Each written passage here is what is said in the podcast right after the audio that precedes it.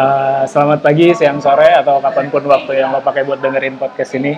Kembali lagi bersama gue Panji dan kali ini di sebelah gue udah ada Dina Deliana. Uh, sibuk banget ya. Enggak kak, kita hanya mengisi waktu yang berguna. Kayaknya kan sebenarnya udah gue ajak dari tahun lalu ya. Terus lo ke Perancis atau ke mana? Iya, iya. Gitu. Banyak yang adore my job sih. itu lu kan kalau gue lihat di Instagram sering banget pergi-pergi ke mana-mana gitu ya. Itu lu emang aktivitas mingguan tuh sibuk segitu ya? Iya, sebenarnya emang emang yang gue running multiple jobs juga sih Ah. sebenarnya. Cuman memang eh, eh, untuk yang gue pergian luar negeri itu memang beberapa ada yang conference, beberapa juga ada yang memang exploring collaboration. Jadi Ah. memang eh, jadi dosen tuh di masalah begitu kak. Ah, mesti gitu ya. Iya, kita harus banyak mendapatkan international exposure gitu. Oh. Karena memang sesuai dengan jobsnya juga ya. Job lo Iya. kan memang di SBM sebagai Iya. direktur. Oh iya lu kalau yang belum kenal Dina, eh, kayaknya sih yang nonton gue udah kenal lo semua Ya. sih. Kenalan dulu lu kenalnya gimana? Dikenalnya Eh, gimana? nama saya Dina Deliana, Hmm. dipanggil Dina. Mungkin em, tiap hari bekerja sebagai dosen di SBM, tapi juga saya running inkubator SBM ITB. Eh, kalau weekend main band dengan homogenik, uh, the rest ya bisnis kecil-kecilan lah beberapa. Tapi sekarang juga eh, bantuin PR Plus untuk jadi PR? PR Plus. PR tuh. Eh, pikiran rakyat Oh, pikiran rakyat. jadi Chief Business Development Officer di situ. Oke, oke. Berarti aktivitas tuh adalah dosen utama, Ya, main band juga. dan itu utama juga. Oh, main band adalah utama juga dan eh, tadi itu ya di Iya. pikiran rakyat saat Iya, itu. iya. Sebenarnya kalau ngomongin band, gua tuh dulu lagi zaman-zaman gua kuliah, mungkin SMA kali ya, pernah dengar homogenik zaman-zaman dengar setelah lulus mungkin ini eh, apa namanya yang yang sempat waktu itu sempat tahunya gara-gara sempat tahu lagi gara-gara main sama Burger Kill gitu. Gue tahu homogeniknya dari situ sih. Tapi pas gue googling googling, gue sempat denger band lo yang dulu. Nggak tahu lo lo ini dipublish apa enggak sih? apa sih yang mana Eh, yang cewek-cewek oh Boys Artois Oh iya, Boys Air Artois. Karena kalau gue sebenarnya lebih seneng musik-musik yang begitu sih, punk rock gitu. Itu kan sebuah perjalanan Boys Artois itu ini, eh, lu juga di situ waktu itu sempat. ya dulu Sekarang masih jalan gak sih? Wah, nggak ngerti Oh nggak apa-apa. ngerti ya. Oh. Cuman alirannya memang beda banget sama yang homogenik ya. Kalau lu gimana tuh bisa menyeimbangkan antara berapa aktivitas sekaligus gitu? jadi memang memang kalau dibilang energi gue memang agak berlebih sih Hmm. agak berlebih dan memang gue kalau nggak bergerak tuh gue sakit sih di tempat itu jadi eh, penyimbangkannya adalah memang eh, kita kalau gue tuh emang agak nggak bisa diam di satu pekerjaan dalam satu waktu yang lama jadi emang perlu kayak shifting shifting gitulah Hmm. dalam dalam beberapa saat nah begitupun dengan kalau misalnya gue lagi eh, bosen dengan pekerjaan rutinitas gue Hmm. kalau main band gitu ya terus juga kerjaan project yang lain terus ntar ada lagi tugas utama itu jadi putar itu membuat gue lebih fulfilled aja gitu Hmm. jadi kalau gimana menyeimbangkannya semua by priority gue nggak ada to do list sih gue die sih gue Hmm. kehilangan arah jadi Hmm. bangun tidur yang gue lakukan adalah gue bikin Hmm. uh, to do list short list short list apa yang mesti dilakukan walaupun gue punya OKR buat diri gue sendiri juga sih Uh-huh. setiap setiap tiga bulan kayak gitu Oke oke. Sebenarnya kurang lebih gue juga kayak gitu sih tipe, tipe tipikalnya ya. Gue tipikal yang memang nggak bisa dalam misalnya satu hari itu gue nggak bisa ngerjain satu hal aja gitu. Iya. Eh, misalnya ngerjain di startup gue gitu, nggak bisa di situ aja makanya bikin bikin yang lain, bikin venture baru, bikin venture baru.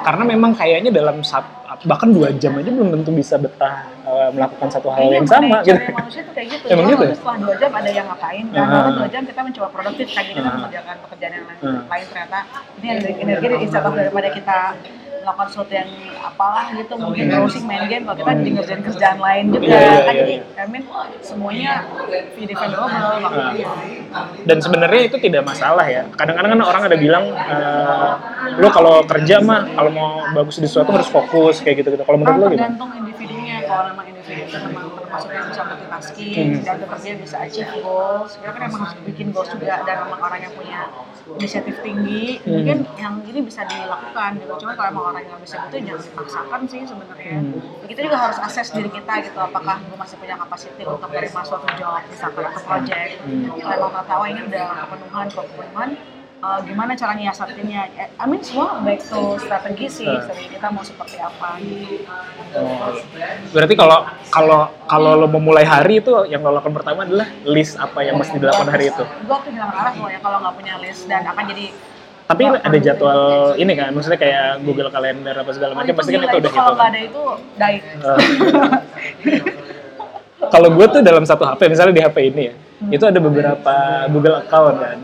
Kalau metode gue ya, ada beberapa Google account. Misalnya Google accountnya Nuesto, Google accountnya Kiwi, Google account mentoring ID, Google account ruang reka kayak gitu. Nah itu kan punya kalender masing-masing. Kalender kan eh, digabung kalau di HP kan bisa di laptop juga bisa sih.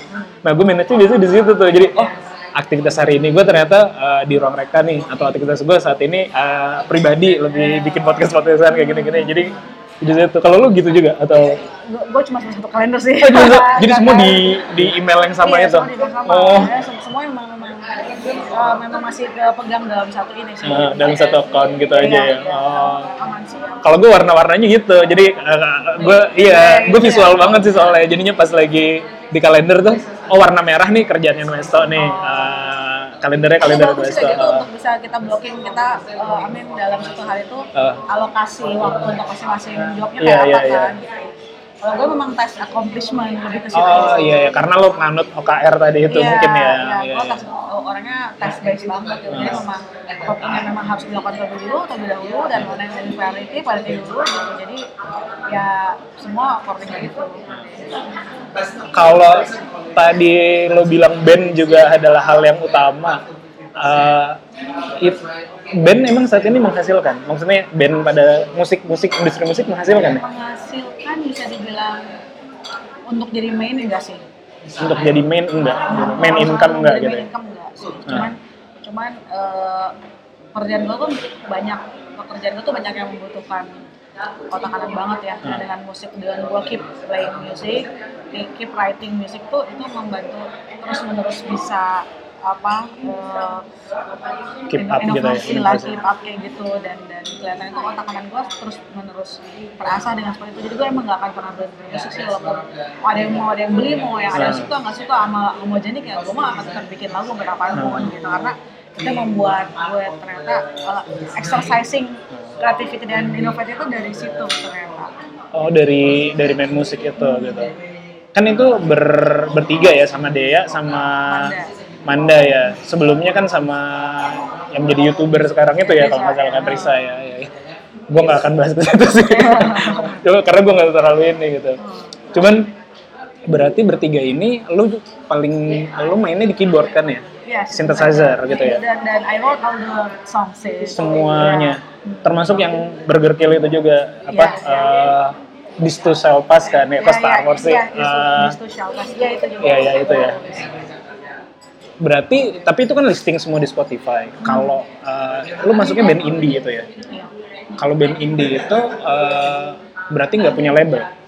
Hmm, jadi sebenarnya sekarang udah udah agak Blur ya? ya, istilah indie dan enggak. Jadi karena semua orang sekarang band pun bisa listing langsung di Spotify via TuneCore kan, Oke. with or without the label. Cuman ya eh, bedanya mungkin kalau gue ya self release aja bisa dibilang kayak gitu ya. Jadi gue band self release yang gue akan ngerilis lagu gue sendiri, manage lagu gue sendiri dan dan ya eh, tidak ditentukan oleh produser atau apa bikin lagu di mana gue ya itu bisa dibilang self release. Kita bilangnya sekarang 360 musicians lah. 360 mu- musician. Iya. Oh, Oke. Apa Karena tuh? Sekarang tuh memang eh, seorang artis tuh dia nggak bisa hanya bergerak sebagai artis, ah bodo amat, gue mau nulis lagu doang Hmm. eh, tanpa melakukan apa pun. Hmm. Bisa. Sekarang tuh lo sebagai artis lo harus mikirin juga lagu ini gue bikin untuk apa, temanya apa, strateginya kayak gimana. Bagaimana kita harus nge-branding diri kita karena apa yang di-branding diri kita adalah itu yang di-branding juga oleh brand, brand- apa band kita. Band. Terus juga bagaimana strategi marketingnya kan harus ikut promo juga. Iya, iya. Jadi kita sekarang jadi musisi udah nggak bisa hanya nulis dan main, main musik gitu nggak bisa kita harus jadi ya labelnya juga ya distributornya juga ya orang marketingnya juga semua harus uh, kita jabanin gitu kalau iya. memang lo mau band lo Tetap eksis ya? tetap eksis. Bahkan gue udah melakukan hal itu pun nggak cukup. Hmm. Masih dari ya lihat aja dengan performanya homogenik gitu ya.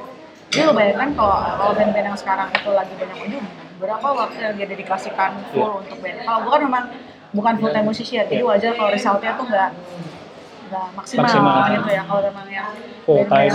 full time, gue yakin dengan dia menerapkan 360 musicians kayak gitu, harusnya dia dapat eh, hasilnya yang benar-benar lebih maksimal. Hmm, iya sih. Gue gue kalau ya tadi gue lebih banyak memang di musiknya eh, arahnya ke papong kayak eh, apa eh, Popang. popang gitu ya ataupun punk rock.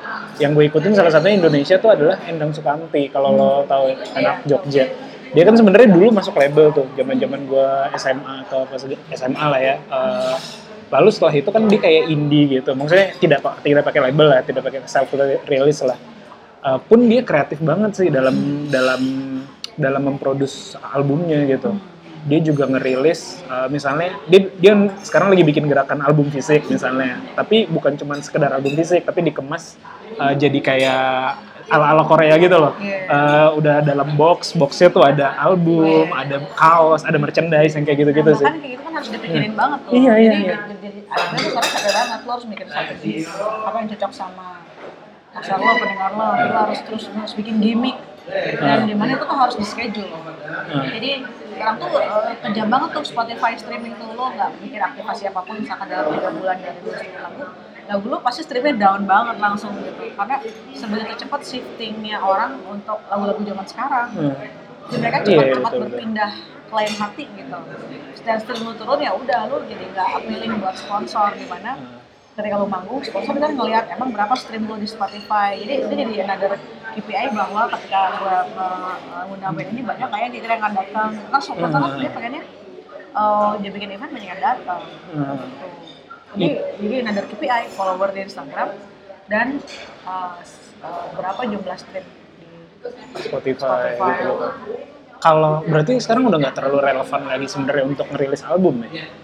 Uh, tergantung tergantung strateginya ya kalau memang ternyata lu biasanya selalu tuh biasanya nyerilis lagu lagu lagu lagu Hmm, single, single, single gitu. jadi album gitu ya karena biasanya kalau udah jadi album mau ngeres ke single single single orang yang deket udah hilang karena dia udah udah, udah listening the whole album kan Iya betul betul betul. Oh, jadi kayak pemancing aja ya? iya ya jadi relevan atau enggak ya tergantung bandnya punya strategi apa sih cuman menurut sekarang sebenarnya yang prefer memilih single Nah, kebanyakan ya. Karena ya tadi belum tentu bikin satu al- effort, effortnya mungkin lebih besar ya bikin satu album. Iya, effortnya besar, effort, eh, tapi resultnya itu sebenarnya satu single bisa bisa eh, bisa memiliki result yang yang satu album gitu Ah, kan kesel iya, kan? Iya kesel. Iya, bener. ya maksudnya ya mendingan bikin single-single yang Iya, kemungkinan iya. akan hits gitu Iya, ya. Kan kita tadinya mau eh, kali 10, kali 10, sekarang kalau misalkan ada 5 single ya 5 kali 10 gitu kan. Ah, iya iya iya. Kalau Homogenic kan sekarang rebranding jadi MGMC gitu ya. Ah, itu ini sih apa itu keren sih maksudnya. Satu kan memang lagi hype banget ya. Netral aja kan NTRL kayak gitu-gitu ya. Ah, banyak lah ya band-band bahkan yang maksudnya yang yang besar kayak gitu di di model-model kayak gitu. Itu juga salah satu strategi yang lo bikin. Ya kita rebranding sih, karena memang eh, kita udah 15 tahun kan waktu ketika rebranding itu. Kita dari 2002 loh BTW. Oh, 2002 ya. Terus kayak eh, ya udah gak relevan aja musik yang kita bikin udah gak relevan dengan yang lama, udah gak relevan dengan homogenik, homogenik. Ah. Dan kita pun juga self release nggak lagi di label, jadi Ah. salah satunya kita rebrand dengan HMD. Nah, The Reason juga merupakan ini memperbaiki digital presence. Hmm. Karena kalau lu search homogenik diketik, itu yang keluar bukan kita, tapi keluar si Bjork. Oh lagunya, iya iya iya betul betul betul betul iya iya. Lagu lama kan itu ya? Hmm, kalau kita search searchnya HMG aja itu udah spesifik buat kita, jadi ngebenerin digital presence juga. Nah, Nah sebenarnya eh, kayaknya dengan scene yang sekarang ya, yang tadi 360 musician apa segala macam, justru malah mendukung eh, musisi-musisi indie ya, atau yang self release ya dibanding label ya. Iya iya mendukung mendukung banget gitu. Cuman tetap eh, itu nggak cukup. Mereka tetap harus struggle juga ternyata. Hmm. Jadi sama di era sekarang tuh memang lo harus bekerja lebih keras. Untuk hasil sebenarnya mungkin nggak akan seberapa juga. Oh, kalau band itu berarti dari kalau misalnya indie eh, lebih misalnya kalau ngomongin eh, apa stream ya apa eh, revenue revenue stream kayak gitu lebih banyak dari off airnya kebanyakan. Off air masih off air. Hmm. Ya. Kalau misalkan kecuali sebenarnya ya kayak anak sekarang tidak bikin YouTube Ah. ya dia Spotify Kayaknya yang suami itu si Ericnya doang sih yang, doang, ah, ah, ya, yang makanya bikin gitu. Pintar karena dia memonetize bandnya dia Hmm. misalkan dari merchandise Hmm. bisa kan kalau si Seringai itu jago banget ya jual Iya seringai, gitu seringai kan. juga dia merchandise. memonetize dia bikin bikin paket kayak gitu bikin vinyl bikin CD bikin Ah, apa biar orang mau beli itu pintar-pintarnya bandnya Dan itu bisa jadi mendukung iya streamingnya ada eh, malah produser. nggak pernah bangun tapi merchandise-nya tuh laku banget gitu ada gitu Oh. jadi ya tergantung pintar-pintaran bandnya ada yang memang dia mainin jam terbang tinggi ada yang emang harus ada manajemen yang mikirin juga tapi juga musisi juga harus kreatif lah dan Iya, kan? digital Capek. presentnya karena kan sekarang kita follow follow orangnya ya. Iya. lebih lebih kepo sama orangnya. Makanya you bring the brand of your band gitu kan. Iya iya iya iya iya. Kalau gitu berarti kalau ini jadi banyak komentar kalau gitu berarti kalau yang label itu udah nggak terlalu menurut lu lebih prefer mana? Eh, kalau sebagai musisi lebih bagus ngikut label eh, atau indie gitu? Hmm, tergantung labelnya juga Ah. dan tergantung kapasitas lu juga kalau misalkan ternyata labelnya itu dia jago di digital Ah. dan dia tahu gimana mengutilize itu semua Hmm. eh, lu boleh ambil tapi kalau labelnya masih belum jago gitu buat apa karena semua kita bisa lakukan sendiri kan Hmm. terus juga kalau emang kurang modal ya mungkin lu bisa join label tapi kalau udah cukup yang modal ya kerja sendiri aja gitu kan Hmm. ini tergantung tergantung harus assess dulu ya weakness apa gitu Hmm. kalau kata weaknesses lu adalah lu nggak bisa distribute digitally lu nggak tahu cara optimize uh, Spotify Iya. lu nggak tahu cara ya lu susah juga mau kayak gitu mau mau sendiri gitu Oh, berarti bukan bukan kalau dengan label tuh kita udah dibantu banget marketingnya, iya tapi Uh, nggak semua label bisa kayak gitu nggak semua. Produksinya juga nggak semua. Misalnya kan kalau zaman dulu ya bayangan, gue juga dulu apa sempat lah, cuman menghilang lah cita-cita jadi anak band. Ya zaman tahun 2000-an awal kan anak-anak SMA mah senengnya pengen ngeband pasti kan gitu kan. Eh, dulu pasti cita-cita anak-anak di tongkrongan gitu ya. Oh gue udah ngirim eh, mini album gue nih ke ke label tertentu karena memang harapan nanti eh, dianggap bagus dan diproduksi massal masuk ke toko toko-toko apa namanya toko-toko musik lah kayak gitu-gitu. Eh, jadi kan kayaknya eh, dibantu banget sama label. Kalau sekarang nggak nggak juga ya. label juga ngitung cost and benefit Ah. kalau dia lihat lu akan pecah nih Ah. pecah kalau bakal Lagunya bagus, banget, dia ah. mungkin akan invest Eh, dia pun akan dia kan juga bermain dengan investment kan iya iya betul dia bisnis udah, lah ya. kayak dulu dulu kan oh jor-joran semua video klip yang mahal sekarang tuh Iya, mereka iya. udah cutting cost banget Ah. gitu Iya iya iya.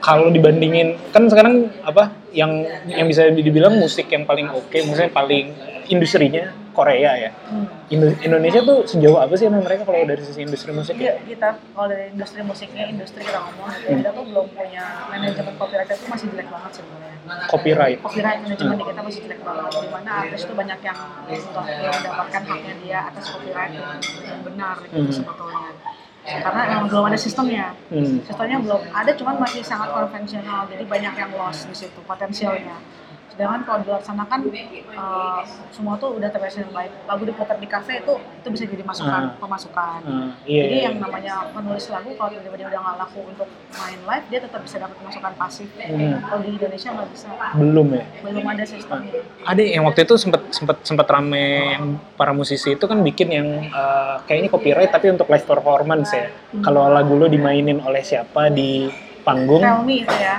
Apa? dulu eh, namanya Tell Me alatnya tell me. Oh gitu. ha.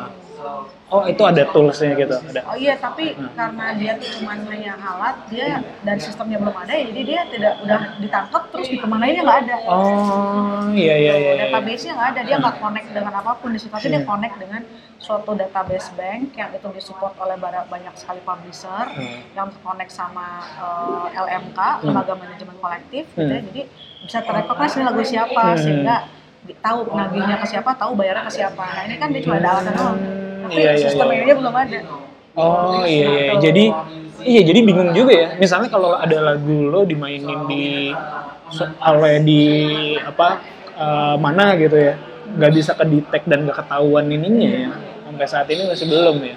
Berarti masih jauh banget ya dari sisi copyright ya. masih jauh sebetulnya Hmm. cuman cuman eh, ini kebetulan gua dan tim sedang mengembangkan namanya Portamento alatnya Porta, Portamento ah, Portamento. Iya sistem lah itu merupakan eh, sistem yang platform kita bangun untuk bisa eh, dari mulai eh, pencatatan hingga manajemen hingga pendistribusian untuk eh, copyright Oke. Nah, itu itu lumayan pelik karena banyak sekali partis yang harus dilibatkan dari mulai publisher, lembaga manajemen kolektif, manajemen kolektif itu harus yang ter terkonek dengan CIZEK internasional, Hmm. di mana itu kan harus harus eh, menjadi anggota, ternyata ternyata nggak semua LMK di kita itu ter, terafiliasi dengan CIZEK internasional Hmm. dan mereka pun pilih-pilih gitu ya.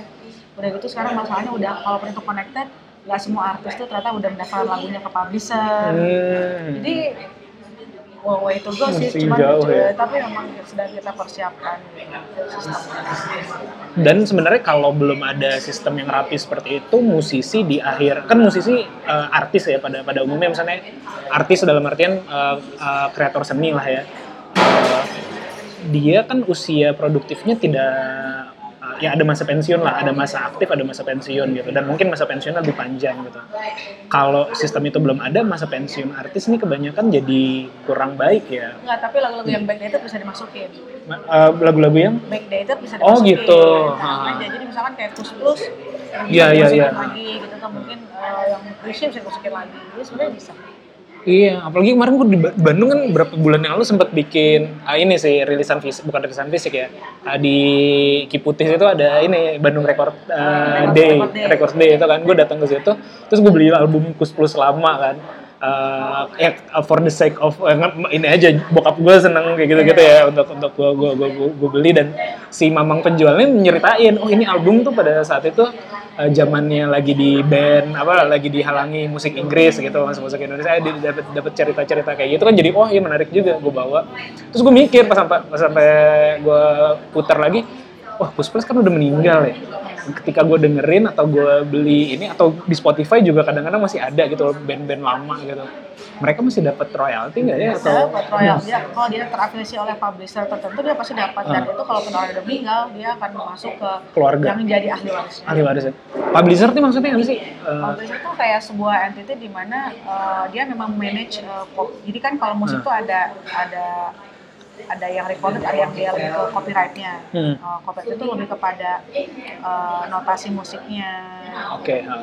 Nah, kalau misalkan uh, lu Oh makanya kalau ada yang uh, jiplak atau enggak dilihat dari situnya ya. Iya, iya, Ah, iya. Nah, nah, kalau misalkan lo bikin lagu, lo daftarin lagu lo ke publisher, itu eh, secara apa namanya performing right-nya gitu ya itu adalah si copyright-nya itu itu akan di manage oleh si publisher tersebut. Jadi kalau misalkan lo orang udah meninggal mau apa tapi lagu tetap di-perform, dan Hmm. performance di- Iya. dimainkan bukan hanya yaitu baik itu live atau lagu itu di- dimainkan di TV atau lagu itu diputar di, di radio Nah, atau ada nge-cover, gitu ya. eh, atau ada yang nge-cover itu harusnya eh, ada royalti yang dibayarkan kepada si pencipta lagu. Pencipta lagu. Nah, kalau misalnya dia udah meninggal, dia akan menjadi ahli waris kan. Nah, dia dibayarkannya ke ahli warisnya. Hmm. Dan itu kalau di kita belum terlalu rapi ya. Eh, sebenarnya ra- rapi bukan konvensional. Semuanya Oh, masih menggunakan metode yang konvensional. Catatan. Hmm.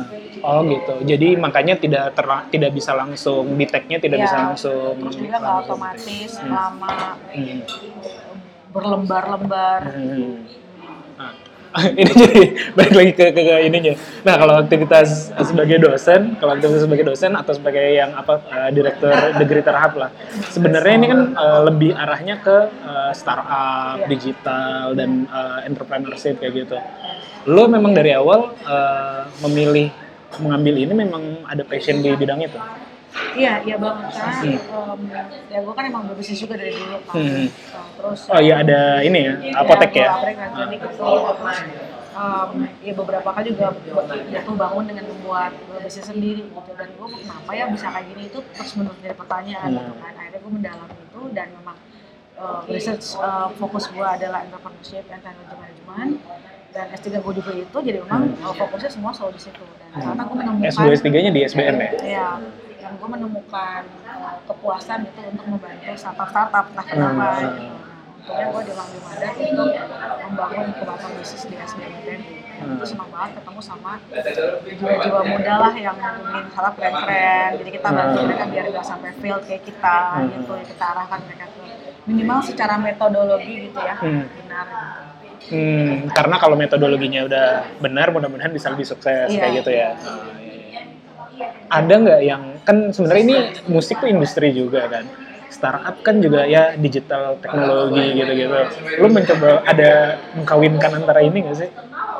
Ya Atau gua- ada anak-anak ya yang- nggak memaksa, cuman Ah. kebetulan ada startup sekarang kita yang di bidang uh, Musik. tuh ada. Ada. Apa tuh? bikin aplikasi uh, live streaming dan podcast juga. Oh, suara ya? Bukan. Oh, suara mah lama ya. Oh, belum belum tahu, belum tahu. Oh, iya. Karena sebenarnya itu industri kan. Kayaknya Iya. nggak banyak startup digital yang gerak di musik ya Iya, secara ada literal. sa um, gue banyak lupa gue nama startupnya. Soundfriend. Soundfriend, Soundfriend. uh, marketplace atau Soundfriend itu dia cenderung mempertemukan musisi dengan sama musisinya. Jadi untuk networking. Oh iya, gue pernah juga ada gue eksibisi di Singapura ada anak Surabaya bikin eh apa namanya kayak gitu tapi untuk ke kafe-kafe. Jadi eh, musisi untuk manggung di kafe dan segala untuk untuk jam di bisa mana mereka. bisa Ah. gitu. Cuman dia itu lebih luas lagi. Dia bisa untuk bertemukan dengan musisi, musisi dengan kolaborator, Hmm. musisi dengan sound engineer, Ah. bikin project bareng. Itu ada di Greater Hub yang si itu, bukan? Enggak, enggak, kebetulan gue mentoring dia juga, Oh, tapi dia mentoring. startupnya Telkom. Oh, Telkom Indigo, Bukan Indigo, dia program lain lah ya. program lainnya. Ah. Program banyak tuh programnya. Iya, iya, iya. Nah, eh, kenapa nggak ada? Maksudnya kan kalau yang lain-lain kan udah mulai banyak tuh fintech khusus untuk finance, terus apa bahkan kayak militer sekarang udah mulai ada defense tech untuk startup kayak gitu. Musik kenapa belum ada ya? Atau mungkin lu tertarik untuk menggagas itu? Eh, iya karena memang Secara terlalu, terlalu cepat berubahnya industri tersebut. Hmm. Bahkan kita nggak tahu Spotify apakah Spotify itu bisa bertahan lama atau enggak kita nggak tahu juga kan. Iya, Karena iya. ada industri baru setelah itu. Nah, Dan dan kelihatannya eh, ya ada sih kayak kolase kan juga salah satunya juga di musik kan. hmm. Juga yang si soundtrack itu. Hmm. Dea juga ada bikin VST kan dia dengan kuasanya. Oh iya iya iya. Ya, cuman ya kelihatannya memang belum ada masalah yang harus di-solve. Yang selain yang kita mungkin ini Portamento itu. Portamento ya, itu kayaknya menarik sih dan pasti kepake. Karena usernya kan pasti musisi Iya. kan ya, udah udah udah udah, udah jelas kayak gitu. Dan kalau lo ngelihat scene uh, inkubator kan sekarang udah banyak banget nih di mana-mana bikin inkubator kayak gitu, Telkom bikin, SBM bikin. Itu menurut lo apa sih? Uh, positif kah? Atau makin lama uh, makin jenuh nih? Eh, sebenarnya kalau ini semakin banyak yang ini semakin bagus-bagus aja kalau menurut gue bukan jenuh karena kan kita memang tidak profit oriented sebenarnya inkubator itu jadi bisa jadi ada kelemahan inkubator ini di cover sama inkubator ini menurut gue sih sebenarnya nggak masalah cuman eh, masalahnya selama mereka, mereka truly for sake for the sake of education atau memang Hmm. untuk eh, development of startup jadi dan selama mereka memang memberikan metode yang benar gitu kan ya Iya, soalnya kadang-kadang kan ada yang ala-ala aja kan inkubator. Iya, yang Banyak juga inkubator yang ngejar hanya ngejar fund dari kementerian kan ada ada juga kayak Nah, gitu. itu jangan. Karena kan kasihan startupnya ya, Hmm. ya. Kan gua mau pendidik, jadi yang gua pikirkan adalah gimana caranya at least mereka mendapatkan manfaat gitu dari dari Dari program. Nah. Dan makin banyak makin makin bagus ya, makin membantu gitu. Kalau menurut lo, eh, kalau sekarang kan rata-rata inkubator kayak gitu fokusnya di digital. Salah nggak sih? Jadi seolah-olah kalau zaman gue misalnya pas lagi pas lagi gue kuliah dulu tuh, ketika datang seminar kewirausahaan, eh, pengisinya tuh misalnya Baba Raffi, ada yang dari kuliner, ada yang dari misalnya properti, elang gumilang, zaman-zaman dulu lah, Itulah makanya ada salah kaprah mengenai kata-kata sabar kan. Kayak semua harus digital. Nah, kan padahal sebenarnya enggak juga semua yang memang punya growth mindset yang high ya Hmm. dia adalah startup kan mau itu mau kopi Iya kopi mau puding kenanga gitu ada. kan mau puding apa eh, lupa nama pudingnya ya pokoknya Ah. banyak juga sebenarnya yang nggak digital tapi memang mereka eh, high growth juga gitu. Jadi gue sih dibilang kenapa digital ya nggak setuju apalagi sekarang dengan dengan after uh, we work kelihatannya landscape digitalnya lagi agak terguncang Ah, ah, betul, gitu kan ya betul, dari ah. segi investasinya. Jadi kelihatannya hmm, harusnya mereka mulai mel- justru melirik real sektor yang memang harusnya bisa di boost juga biar, biar mereka punya mindset uh, growth mindset yang sama dengan startup Iya. growth mindsetnya ya berarti ya. Lo bisnis apa pun kayak kopi kenanga kan eh, atau kayak. Starbucks lah ya kita bisa ngelihatnya kan kayak gitu ya. apa pun mau lu jualan cireng doang kalau punya growth mindset dia punya Hmm. cireng yang tiba-tiba ada 100 cabang Hmm. gitu di, di macam-macamin gitu jadi nggak masalah sih justru sekarang yang real sektor yang yang lebih promising buat investor Kalau di Greater Hub juga begitu, maksudnya Iya, lebih kita- seimbang kita- lah. Seimbang kita nggak nggak nggak melulu harus digital bahkan kita sekarang sangat amat careful uh, assessing Hmm. our, our uh, calon tenant gitu Hmm. karena kita yang kita pengen lihat emang ah, dia ada potensial untuk growth nggak kayak gitu jadi kok tetap harus menggunakan teknologi tapi bukan hanya selalu menjadi mainnya Hmm. tapi juga bisa menjadi sebuah sebuah tambahannya atau sebagai supportingnya lah kayak gitu Iya. Kita kan kenal sebenarnya eh, di mana ya? Kayak berapa tahun yang lalu gitu ya. Kayak gue pertama kali sih eh, di ini dulu di Ajabar ya bikin makerton gue bantu di situ lo juga datang so dikenal sama Giamet kan kalau nggak salah di situ. Cuman kita banyak berinteraksi di Backcraft ya Iya, di iya. program Backcraft itu dan kalau Backcraft memang khusus untuk eh, di divisi itu khusus untuk digital ya Iya, dan growth-nya juga lumayan lah ya ada yang bagus ada yang kalau menurut lo lo kan eh, entrepreneur juga band musisi juga terus dosen juga Eh, aman gak sih jadi entrepreneur tuh? Karena lo sendiri kan eh, ibaratnya ada beberapa layer eh, lain gitu kan. Jadi gue juga sedang mempelajari gitu ya bahwa uh, type of risk-nya gue itu adalah cenderung low to moderate. lo tuh moderate oh, Iya. untuk apa pun ya kayak untuk investment kayak Iya, gitu-gitu untuk ya investment dan uh, sama dong lo invest di startup juga seperti itu kan. iya betul Jadi gue akan cenderung membuat membuat bisnis yang memang gue tahu dia akan menghasilkan Oke. uang. hmm. Jadi mau ini gue akan nggak akan bikin startup digital. Oke oke karena eh, itu masuk ke moderate high mungkin Iya, ya menurut secara gue, resiko. ya, uh, dan dan itu kan memang uh, nah tapi sebenarnya nggak masalah itu lu juga Preferensi lah ya. preferensi sebagai entrepreneur gue harus masuk dulu dari lo founder lu gue cenderung seperti apa Hmm. karena kalau gue harus mau masuk yang ke high risk ya lu juga harus siap dengan segala Iya. uh, effort yang harus lu keluarkan gitu dan semua resikonya Iya, gitu Ya seperti pepatah lama ya high risk high return Iya, ya. iya. Makanya lo membackup diri dengan misalnya entrepreneurship, Iya. Eh, tapi juga misalnya ada pekerjaan yang utama Iya, kayak gitu-gitu. Ya, dan emang enaknya jadi dosen tuh kan lu selalu updating Hmm. ilmu lo kan Hmm. Iya, update belajar dan mengajar Iya, ya, iya. dan bermanfaat juga. Ya. kan jadi kata Jariah ya, jariah. Ya, amal jariah. Oke, ini sih eh, nah ngomongin stream sebenarnya kalau gue di Spotify, gue juga kan sebenarnya baru masuk Spotify itu baru bulan-bulan April atau Ma- eh, atau Juni tahun lalu lah. Ternyata ngomongin stream yang tadi itu lumayan. Oh ya menurut gue ya kalau di gue, di gue tuh streamnya tuh bisa total lah ya total keseluruhan 40 ribu. Oh. 40 ribu stream total ya dari bulan April sampai. Jadi kan artinya per episode sekitar nggak tahu lo berapa ya, pokoknya ribuan lah kayak gitu. Menurut gua bahkan bahkan ada following kan kalau di eh, Spotify ada follower gitu. Follower jauh lebih gede daripada follower gue di Instagram. Oh, iya, tuh itu bisa tiga ribuan gitu di Instagram gue cuma seribu kan gue gue bisa agak-agak bingung. Ini ini siapa sebenarnya orang-orang ini gitu kan nggak tahu. Iya. Nah, tapi pas di ses kan ada kalau di Spotify itu cukup detail ya usia berapa usia berapa dan kebanyakan mendengarkan musik apa kalau di Spotify. Misalnya gue kebanyakan tuh usia mahasiswa sampai 30-an. Ah, paling besar sebenarnya ceruknya adalah 24 sampai 30 berapa gitu ya. Nah, Jadi setelah lulus kuliah. Tapi yang keduanya yang usia mahasiswa gitu. Nah, program kita terhab eh, lagi buka opening nggak saat ini dan untuk siapa tahu entah ada mahasiswa ataupun alumni yang Kebetulan kita baru tutup nih. Kebetulan kita baru dapat 24 startup Ah. sebetulnya. Cuman nanti kalau teman-teman mereka di terhap, kita akan buka lagi di bulan Juni. bulan Juni. Bulan Juni. Juni 2020 ini. Dan nggak terbatas mahasiswa ITB. Enggak. Bisa siapa? Bisa siapa pun. Eh, Indonesia apa Bandung aja? Bandung aja. Oh, Bandung aja ya. Ah, karena harus datang fisik ya. Iya. Harus datang fisik ya ke mereka kayak gitu. It- tapi selain yang itu ada program-program rutin juga kan?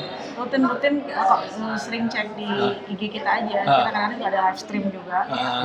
Juga nanti kita suka bikin Bandung Kucing Day itu yang bisa diikutin Oh iya iya iya, yang Aji ya kemarin Iya, menang ya. iya, yang Halo, Halo Vina. Jadi stay tune aja sama at the great Terham cek gitu kok jadi promo? Yang apa ya siapa tahu ada yang nyangkut.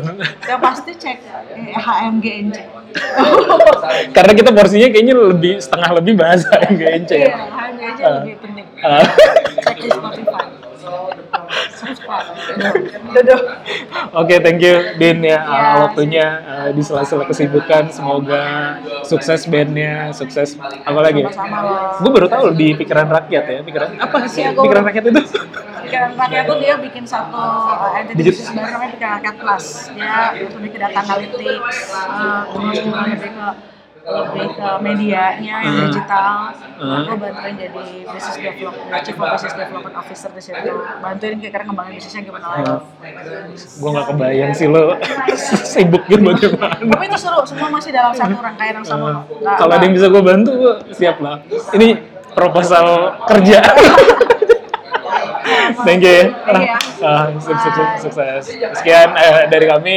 Terima kasih sudah mendengarkan. Ah, sampai jumpa lagi. Yeah.